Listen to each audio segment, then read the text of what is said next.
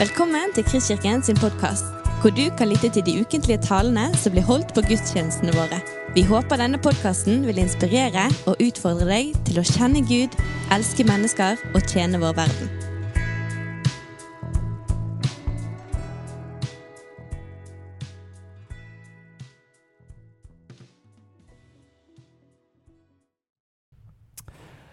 Ja, I dag skal vi også fikse det som har med nådegave å gjøre. Så jeg vil ikke ha noen flere spørsmål om det når vi er ferdig med den prekenen her. Da har vi gjort det. Det er sånn Man trenger bare å si en gang at man elsker deg sant, i et forhold, og så vet man det. Nei da. Øhm, før jeg sier noe mer dumt Mitt navn er Thomas Dalsbø. For den som ikke kjenner meg, jeg får lov til å være med som pastor her i Kristkirken. Det er virkelig en uh, stor ære. Uh, og uh, som Leif Tore sa, så så er vi i en liksom mini-mini-miniserie, noe som er kalt Helsesjekk. Eh, og Den ble enda litt mer mini, for at Håvard, eh, hovedpastoren her, han tok seg friheten, som jo han har, til å preke over noe annet forrige søndag. Men det var en veldig god tale, så hør gjerne på den. Det gikk spesielt imot det som vi opplever nå i, i Ukraina osv. Hva vi skal tenke og, og, og, føle om det. Men uansett, vi, denne, vi har satt denne temaen helsesjekk. og Det har egentlig med bakgrunn at vi har tatt en medlemsundersøkelse. Mange av dere kjenner til det. Leif Tore brukte ordet NAMU.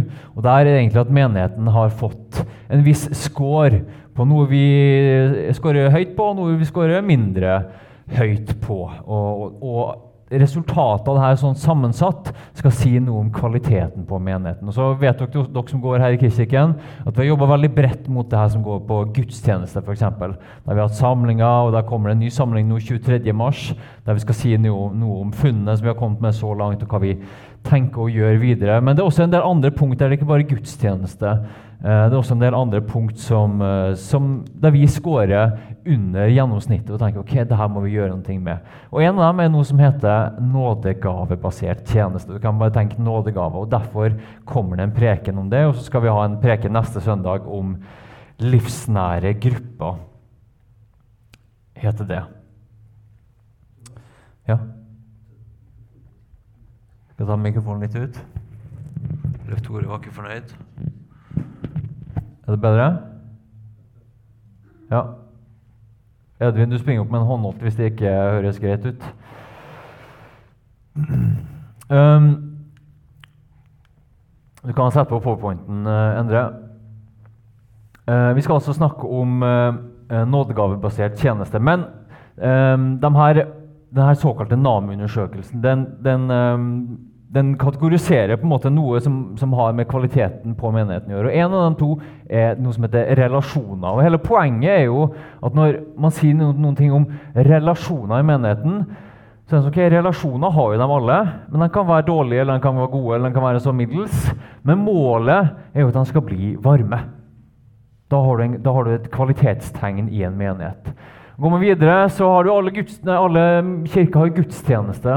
Men målet når du kommer på gudstjenesten, skal være inspirerende. at det skal være, Du skal gå oppløfta derfra. Ikke bare på menneskelig nivå, men også at din ånd skal være oppbygga. Du skal ha, ha, møtt Gud når du kommer på gudstjeneste. Da er det en bra, da er det et kvalitetstegn for en menighet.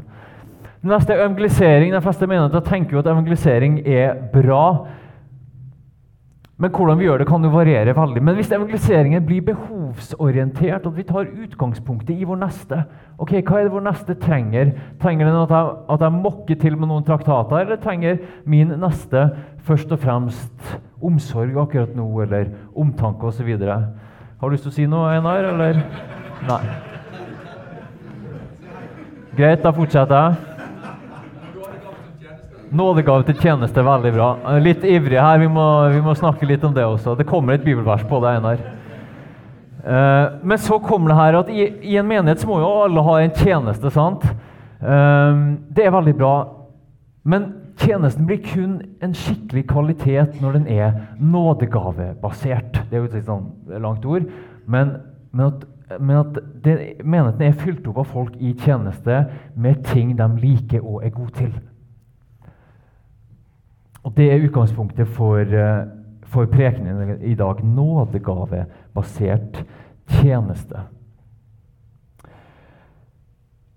For Hvis du ikke visste det, så har du fått gaver og talenter ifra Gud. For noen av dere er det kanskje åpenbart. Du var jo født som et naturtalent i fotball eller musikk, eller hva det skal være, og du har levd på den hele livet. Men for andre av dere, kanskje noen som sitter her til og med, så, så går det kanskje med en tanke på at nei, hva, hva, er min gave, hva er min nådegave, hva er mitt talent? Nei, jeg har det ingenting. Men jeg kan, komme, jeg kan si deg trygt her i dag at det er feil. Du har også en gave ifra Gud. Det er ikke sikkert du ser den. De rundt deg ser den garantert tydeligere enn det du gjør. Men du har fått unike gaver og talenter og kall ifra Gud som ingen andre har. Kanskje det er du som skal være den hammeren sånn som Leif Tore viste her i stad, som får ned spikeren eller sagen der det trengs. Du har gaver ifra Gud. Nå skal vi tenke Når vi hører ordet nådegavebasert, eller nådegave. Det høres sånn svært ut og mystisk, nærmest. Nesten som man skal sitte på rommet mitt, og så kommer det noe glitrende i luften. Og så hører jeg noen stemmer som sier at du er kalt til å forkynne. Eller du er kalt til å lovsynge. Men det er ikke sånn det skjer. Hva liker du å holde på med? Hva dagdrømmer du om? Hva opplever du mestringsfølelse på? Der er vi mye inne på hva det vil si å, å få lov å fungere i sine gaver, i, sånt, i, i sine talent, i sin nådegave. Og så Egentlig så var det her sporet jeg skulle kjøre veldig inn på i dag. Og Da hadde jeg egentlig tatt fram uh, noe, noen av mine favorittillustrasjoner. Jeg skulle snakke litt om Nils Arne Eggen og Rosenborg. og Det er ikke, ikke på en sånn hoverende måte som jeg kanskje gjør noen ganger. Men Vanligvis, ja. Men han er jo kanskje den Norges største lagbygger, og han hadde denne godfotteorien. sant? Hele tiden prøv å finne godfoten til medspilleren. Hvis, hvis, hvis eh, venstrekanten nå snakker fotballspråk her, hvis venstrekanten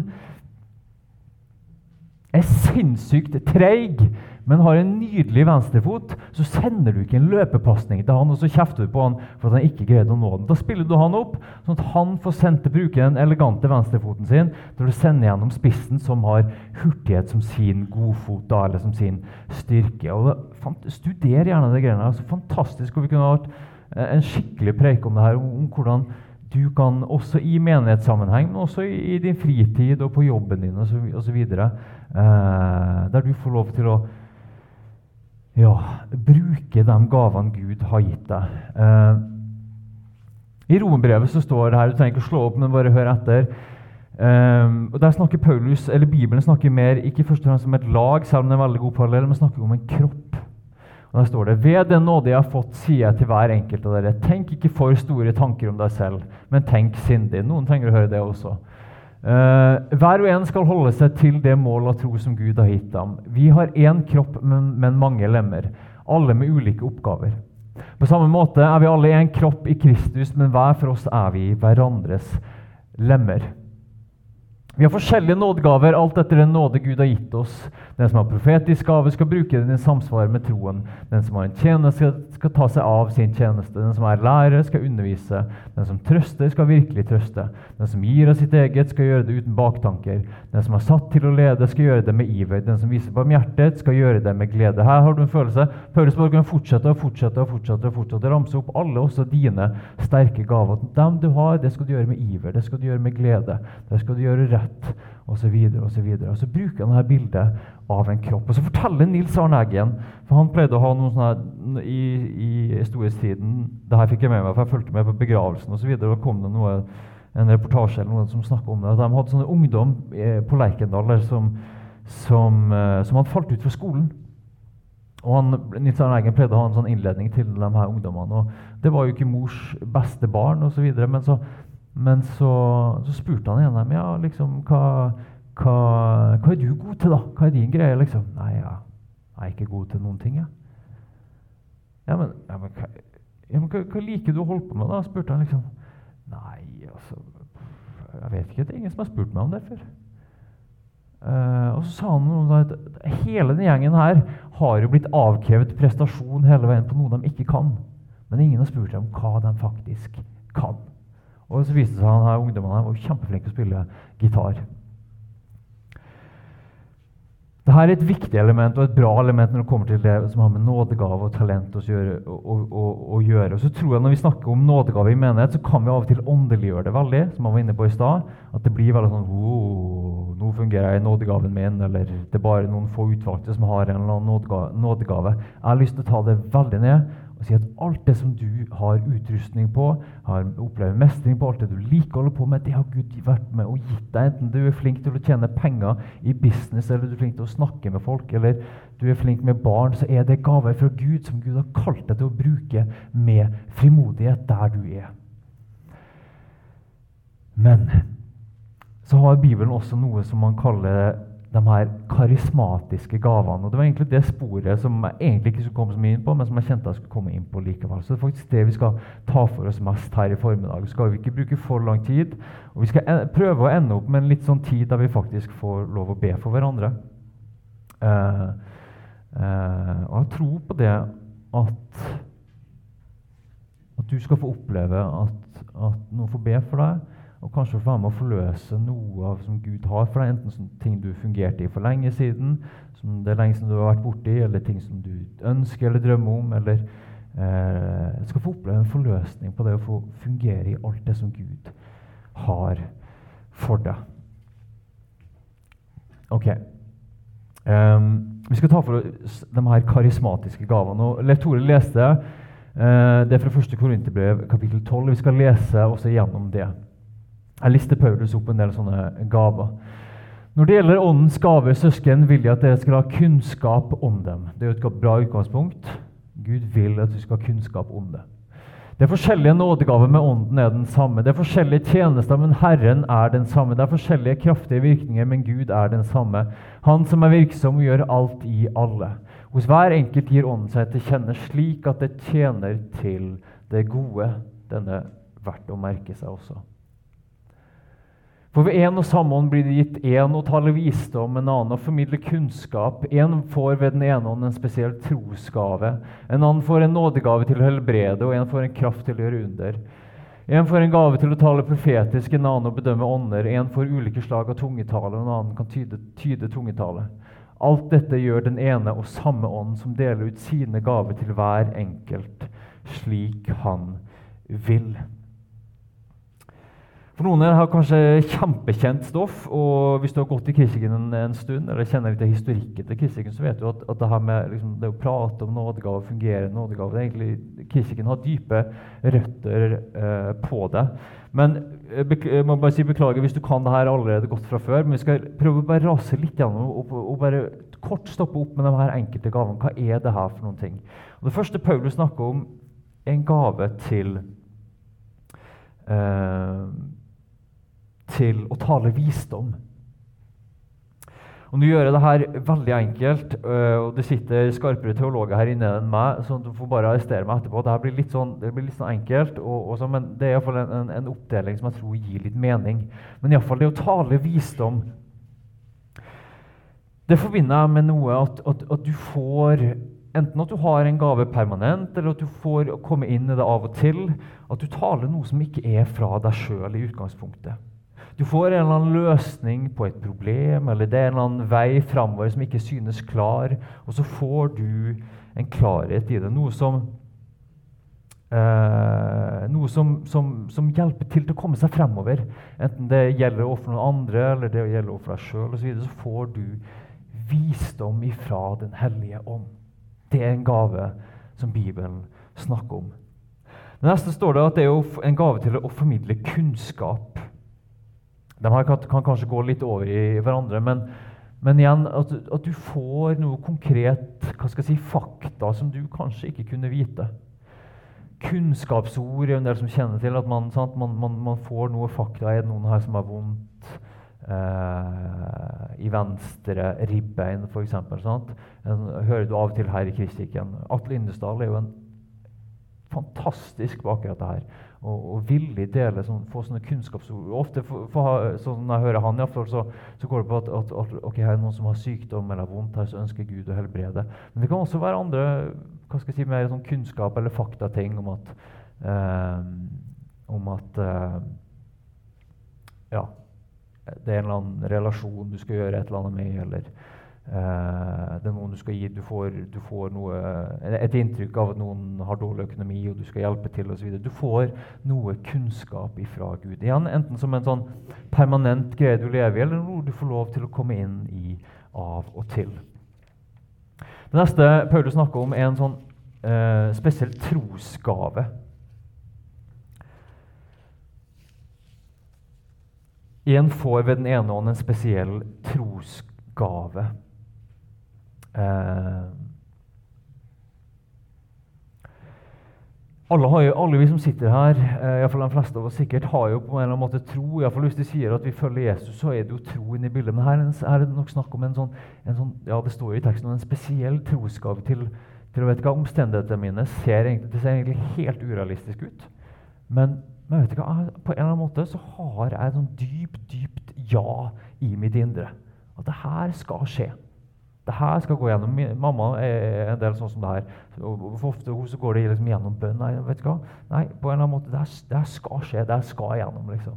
Og da har jeg liksom, i oppveksten min lært meg å ha en sånn, viss sånn trygghet til det. Dere kjenner kanskje noen også som er litt sånn og, eh, en, en sånn spesiell trosgave. enten det gjelder å eh, Jeg tror også det var folk i menigheten her som opererte i den gaven når det var snakk om å få det bygget her, f.eks. Eh, en sånn, en sånn noe du kommer inn i av og til. Eh, eller noe du lever i mer eller mindre permanent. En sånn, ok, det her ser urealistisk ut, men jeg kjenner et ja i mitt indre på det her. Da er Den hellige ånd med og gir deg en trosgave. Jeg vet om andre som i et øyeblikk har fått denne trosgave om at nå skal, nå skal været plutselig bli bra. Uh, jeg har noen slektninger på Stadlandet som driver menighet der, og de er helt spinnville. De har ingen ressurser, de bare setter i gang med alt mulig greier. Nå hørte jeg nettopp at de har satt i gang bibelskole på en menighet som er sånn ca. ti ganger mindre enn oss. Da tenker jeg, Den gjengen der er enten veldig naive og dumme, eller så har de trosgave. Eller så har de av begge deler. Um, men iallfall trosgave. Neste er jo en gave til helbredelse. En fantastisk gave. En gave til helbredelse. Til å se og, og, og, og være med å formidle helbredelse til andre i kroppen fantastisk gave. En gave som er for i dag. Noen her eh, har sikkert også fått med og, og lagt hendene på folk og se at de blir syke. Jeg har ikke sett sånn kjempemye av det. Jeg har liksom noen eksempler der jeg har fått bedt for noen som jeg ikke kjenner. og De, de har sjøl sagt, iallfall jeg husker ei jente jeg fikk be for, hun skvatt til. Hun sa vet du hva, nå har jeg faktisk ikke vondt i magen min lenger. Uh, jeg kan ikke bekrefte det, men, men det, jeg vet det sitter historier her inne om mye større ting mye heftigere ting. Eh, så en gave til å helbrede. Eh, kanskje får du fungere det av og til, kanskje har du en mer permanent gave. Det neste som står, er en gave til å tale profetisk. Her kan vi kanskje av og til tenke at det er, en sånn, det er den som har en sånn spåkule, som, som ser inn i fremtiden. Men, men så langt jeg leser, i hvert fall når, når Det Nytestamentet snakker om det profetiske, så, så er det mye bredere enn det. Det er ikke, det er ikke bare sånn øh, liksom se inn i glasskulen. Det er å tale ord ifra Gud til oppbyggelse, for å si det veldig sånn enkelt. Ord ifra Gud som Altså, jeg, jeg har det iallfall sånn Det er kanskje den øh, Nå skal man være forsiktig med å snakke om seg sjøl fra talerstolen, men men kan, sånn personlig så oppleves det her jeg får lov til å fungere oftest. Ikke at jeg får så mye sånn kunnskap om enkeltpersoner, men jeg opplever av og til, enten når jeg preker, at det er noe i manuset mitt som, som veldig sånn hopper ut, og, at her skal jeg bruke tid, eller oppleve det i samtale. At plutselig så er det noen ord som bare Oi, her var det noe.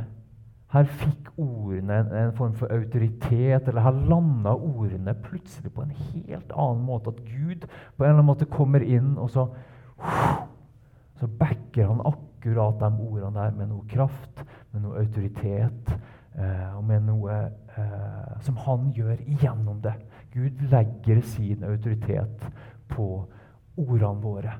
Det å være med og gaven til å tale profetisk. Så kommer det en som er litt sånn uh, merkelig kanskje for oss som lever i 2022. Det står en gave å bedømme ånder. Jeg skal ikke dykke for mye inn i den, men veldig enkelt så tror jeg det går bare på en sånn en sånn evne til å kunne altså, Når du har sagt at du er kristen, så har du egentlig implisitt sagt at, eller eksplisitt at du tror på en åndelig verden. hvis du ikke var klar over det. At det finnes noe som, som eksisterer som vi ikke kan se med øynene våre. Det kan være litt hardt for uh, vår vestlige tankegang uh, og moderne tankegang å forstå. og Vi må jobbe litt med det. Men det er verdensbildet Bibelen tegner opp. Og denne gaven til å skjelne ånder tror jeg for igjen si det veldig enkelt, handler om noe til å kunne på en eller annen måte skjelne og forstå hva er det som skjer i den åndelige verden. Hvor kommer det her ifra? Er det godt? Er det ondt? Hvor er røttene hen? Eh, kanskje du kan sitte inn i samtale med en person, og så kjenner du noen sånn, en, en, magefølelse eller en intuisjon på det. Ah, Alt ser bra ut på overflaten, men her er det et eller annet. sant? Eh, eller kanskje det er helt omvendt. At, at Oi, det her var speist. Men ah, jeg kjenner at det er noe her som, som kanskje er fra Gud. Og så tror jeg må, de som får operere i en sånn gave, tror jeg må ha en sånn, litt, sånn, litt sånn ekstra forsiktighetsstempel. For det kan veldig fort gli over i å dømme. Det kan veldig fort gli over i å gå på enkeltmennesker som at nei, du er sånn, og du er sånn, og du er sånn. Og det må vi for alle ikke gjøre. Det står i det at vår kamp ikke er mot kjøtt og blod, men i det åndelige. Så hvis du opplever av og til å få fungere i en sånn gave, der du på en eller annen måte kan skjelne noe som er usynlig, så ta det med innenfor Gud. Be. Snakk med Gud om det. Ja. Ok, Vi, vi suser gjennom her. Um, så står det ulike slag tungetale. Uh, igjen veldig enkelt, men, men uh, en eller annen gave til å snakke på et språk som du egentlig ikke kan. Uh, det står jo eksempler i Bibelen på at for, pinsedag sånn, folk de snakker på, på, altså på menneskelige språk, men som de ikke kan. enten det var, De snakker vel arameisk eller noe, så snakker de plutselig på persisk eller arabisk osv. Jeg har aldri opplevd det. Jeg har hørt noen som har snakka om at de har snakka noe gibberish, og så har det kommet ut som swahili eller et eller annet. Det kan jeg ikke bekrefte, men jeg tror at det skjer. Eh, eller at man snakker i et form for åndelig språk. Det er kanskje det vi kjenner mest mulig når vi snakker om tungetall. At noe, noen får et, et, språk som man sjøl med forstanden ikke kan forstå, men som blir et språk som Den hellige ånd legger ned i oss. Og Så kommer den neste tydninga av tungetale. Eh, at når noen da får et eller annet språk eller får en, eller annen tungetale, så må det være noen å tyde. Og Paulus er ganske tydelig, tyde, tydelig på det her. At, uh, at, i en sånn offentlig setting Én ting er når du sitter og prater med Gud i ditt lønnkammer. Men i en sånn offentlig setting der det er mange til stede, så syns jeg vil heller prate hva det er fem ord med forstand enn tusen ord i tungetale, sånn at andre kan bli oppbygga. For det er hele målet med de her nådegavene. At det skal tjene fellesskapet. At de neste skal bli velsigna av det Gud har lagt ned i ditt liv. Men når noen da får en sånn tungetale, eh, eller får et budskap på et språk de ikke forstår, så må det være noen der som tyder. Eh, jeg har bare opplevd det én gang. Eh, eller det, vil si, jeg, det var ikke noe sånt at jeg fikk, eh, jeg fikk liksom setning for setning eh, translasjon, men jeg fikk et eller annet inntrykk om at det er mer sånn at du fikk et avsnitt der jeg, kunne ha fortalt om et jeg fikk, jeg fikk, et inntrykk av hva det her betydde. Uh, og Da var jeg så feig at jeg gikk ikke fram, så ingen hørte det. Men det var den eneste gangen jeg opplevde at, uh, at liksom, ok, vet du hva, her, her, her opplever jeg å å få noe. Ok, Nå har jeg rast gjennom. Um, bruk gjerne tid på det her um, i, i, ditt eget bibelstudie, og, og ikke minst i, i ditt bønneliv. Um, men jeg har noen poeng jeg skal komme til, og det skal vi rekke. Uh, og så er forhåpentligvis det her ting vi skal jobbe med også over tid i kritikken. Uh, men det første spørsmålet vi må stille oss, og som ofte kommer opp når man snakker om det her, er jo spørsmålet er det her for i dag. Hvis det ikke er det, så kan vi jo bare stoppe med en gang. Uh, mitt enkle svar er ja, det er for i dag. Nummer én fordi at det skjer. Folk blir helbreda. Folk opplever å få kunnskapsord. Folk opplever å, å, både tale profetisk og få profetiske ord osv. Så, det er mitt første svar. Mitt andre svar, som er litt mer sånn uh, teologisk, er jo For det finnes jo en, en, en, teologisk nærmest retning på akkurat det her. At de, de her nådegavene som, som, det snakkes om her, de var for de første kristne. Eller rettere sagt, det var bare for de her tolv apostlene. Det var de som liksom skulle få hele Enterprisen i gang. Og når det var liksom oppe å gå, så tenkte vi ikke dem lenger. og Derfor er det begravd. Det er ikke for i dag. Uh, men da skal vi bare lese ett vers fra Paulus, så tror jeg vi har settla den. I ham har dere blitt rike på alt, på all lære og all kunnskap. Vitnesbyrdet om Kristus har da også fått sikkert feste hos dere. Derfor mangler dere ikke noen nådegave mens dere venter på at vår Herre Jesus Kristus skal åpenbare seg. Derfor mangler dere ikke noen nådegave mens dere venter på at vår Herre Jesus Kristus skal åpenbare seg. Så langt jeg vet, så har ikke Jesus kommet til ham enda. Så da tenker jeg at vi tar det. At det er et løfte om å få, få fungere i nådegavene helt til Jesus kommer igjen. Det andre som veldig fort kommer opp, og som jeg kjenner så tydelig på når jeg sitter og forbereder her, er jo det her Nei, Thomas, skal vi miste bakkekontakten nå igjen? Skal vi bli et sånt her galehus igjen? Altså igjen, Det er sikkert nødvendigvis at vi har vært det, altså. men, men jeg, har, jeg, har, vært med på mye, jeg har vært med på mye rart. Uh, og jeg, jeg, jeg, har ikke gått hele mitt liv i Kristikken, så jeg har vært med på mye ting før Kristikken også. Uh, men jeg har vært med på mye rart. Uh, gjort det i sånn nådegaven sitt navn eller karismatikken sitt navn. Uh, vært, altså det har vært Hvor skal vi begynne? Liksom? Det, har vært, det, har vært, marsjering inne i kirkesal, og det har vært dansing på noe som jeg ikke visste var dansing. og det har vært budskap hit og dit, og det har vært rist, altså, mye greier. Og, og, mye av det helt uskyldig, og en del ting tror jeg faktisk var godt. Gud gjorde noen ting.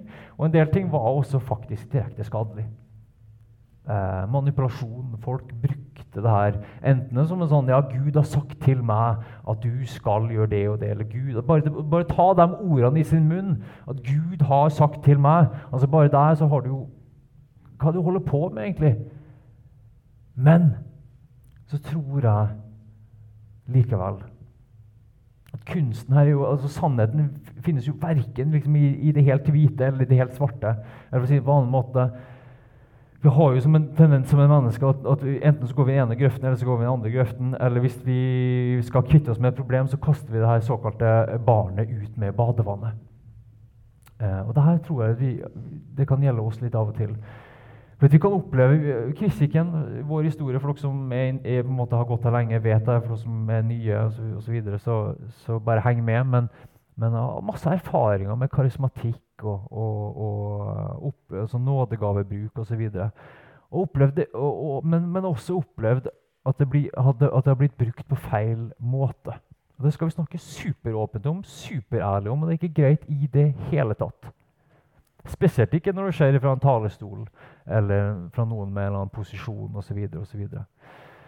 Men det betyr jo ikke i seg sjøl at man da skal ta både vannet og, og barnet og bare ut og si ok, da har vi altså Det er jo den enkleste løsningen å si ja, men da har vi ikke noe mer nådegaver. Da stopper vi med det. Da, da liksom, ok, da stopper vi. Det er jo det tryggeste. Men, men, så langt jeg har lest Nytestamentet, så kan vi ikke gjøre det. For Gud har gitt noen gaver som han vil at vi skal bruke. Og som egentlig oppleves som helt sentralt for at som menighet skal få fungere optimalt. Derfor tror jeg at det handler ikke, ikke, ikke, om å kaste ut nådegaven per definisjon, men det handler om å bruke det på riktig måte og ikke på feil måte. Paulus skriver jo akkurat som, faktisk en del om akkurat dette. fordi at Vi har jo lest det fra første korinterbrev, og det var jo en sånn galehusmenighet. Altså, det, der, der, der, sto ting, der hang de virkelig i, i takene og i tapetet og gardinene og alt som var. Det, det, det er jo sånn her um, forteller, Paulus bruker sånne eksempler som at, at, at, at, Det virker nesten som når de kommer sammen, så har liksom den ene taler i tunge, og den andre synger en lovsang, og den tredje danser, og den fjerde preker. Og alt skjer samtidig. Og det er bare sånn her Stopp, liksom! For det første så er det ingen som skjønner uh, hva som skjer. Uh, og kommer det noen som ikke tror inn, inn i den kirkeforsamlingen, her, så må vi tro dere er helt på jordet. Men for andre så er det ingen som blir oppbygga heller, for ingen skjønner hva som skjer. Så det her er ikke bra. Så sier Paulus at Gud er en gud av orden og, og en gud av fred. Og så gir han noen sånne praktiske råd om at når, når, når, når noen taler profetisk, så skal det prøves. Og når noen taler i tunga, så skal det skje én eller maks to i høyden. og Det skal alltid være noen som tyder. Og er vi, er vi sammen i en sånn offentlig setting, så vil jeg snakke helst med forstanden og ikke med tungetale osv. Så, videre. så Gud nei, nei Paulus jobber med denne korinterbrevet-menigheten. Han jobber hardt med dem, men han sier ikke 'stopp med nådegavene'. Han roser dem faktisk for at de har masse nådegaver, og de søker nådegavene.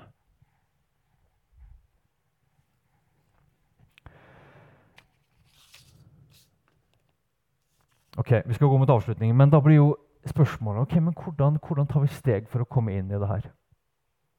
Søk de åndelige gaver. Der står det. Og det her, det her sier Paulus til Korintermenigheten. Jag etter kjærligheten. Søk åndsgavene med iver. Særlig å tale profetisk. Ergo ikke tale inn og se inn i glasskulen, men tale ord som Gud legger sin ånd på til oppbyggelse av de neste. Søk åndsgavene med iver. Om ikke det er et praktisk steg, så er det iallfall en holdning som vi kan ta med oss. Søk åndsgavene med iver. Noe som Gud vil at du skal få ta del i. Kanskje at du får lov at Den hellige ånd får lov å lede deg inn, at du periodevis får operere den ene og den andre gaven av alt etter hva omstendighetene dine krever, eller at du får oppleve å, operere noen ting eh, mer permanent. Og det her er jo clouet, folkens. At, at vi, vi, sier at vi, vi, tror på Gud, og vi er menighet osv. Men hvis vi ikke erfarer Gud iblant oss, hva holder vi på med da? Da har jeg mer lyst til å se fotballkamp av og til. altså. Eh, selv om det går litt dårlig i, nå for i treningskampene osv. Men, men det er det her Paulus snakker om med korintermenigheten også. at hvis, hvis, det er sånn at alle står i munnen til hverandre og taler i tunga, så skjønner de som ikke tror, og kommer inn, de skjønner ingenting og tror dere er gale. Men så sier han ok, men hvis det kommer noen som ikke tror, kommer inn, og alle taler profetisk, og plutselig gir budskap til personen som avslører hjertets tanker og holdninger, da vil den personen falle på kne og si Gud er sannelig iblant dere. Og denne Gud er sannelig iblant dere. Den tror jeg vi skal merke oss. Jeg elsker apologetikk og jeg elsker liksom teologi og alt det her. Og jeg tror det er kjempeviktig for vår tid. Men hvis det er noe jeg tror som er det avgjørende punktet for å ha et liv som bærer fra begynnelse til slutt når det kommer til å leve med Gud, så er det faktisk det å få lov å erfare. Erfare at det vi sier vi tror på, er reelt. Og jeg tror at nådegavene kan være sentrale. Markus Borg, en liberalteolog, til og med han sa det her at når du kommer sammen Nei, han sa ja, når vi, når, vi, når vi kommer sammen som kirke, da må Gud være iblant oss. Og Han sa masse som jeg ikke er enig i, men han sa det. Og at de kirkene som ikke er opptatt av det, de dør ut. Og så tror jeg at Gud har lyst til å være din samarbeidspartner. For det er ikke sånn at når du, ja, du, får oppleve å stå i en eller annen nådegave, så kommer Gud på en eller annen magisk måte og, og overtar meg, og så sier jeg et eller annet som jeg ikke har kontroll på. Nei, det handler mye mer om å samarbeide med Gud. Kanskje får du et inntrykk, kanskje får du en følelse. Og så er det ikke, Av og til så hører jeg noen som, som, da, som da, sier nei, jeg vet ikke, jeg bare mista kontrollen. Og jeg, og jeg er åpen for at det kan skje. Men i, i, jeg tror oftest sett så handler det om at vi samarbeider med Gud. Og vi kan skru av, og vi kan skru på. Og vi kan være med, eller vi kan stenge igjen. Så tror jeg utfordringen til oss er ok, nærme oss Gud i en litt åpnere holdning. Eller kanskje, det, det, Nå prater jeg veldig mye til meg sjøl også. Ok, Gud. Hvor er det du vil bruke meg i dag? Ok, Kanskje jeg skal Og nå snakker jeg veldig til meg sjøl.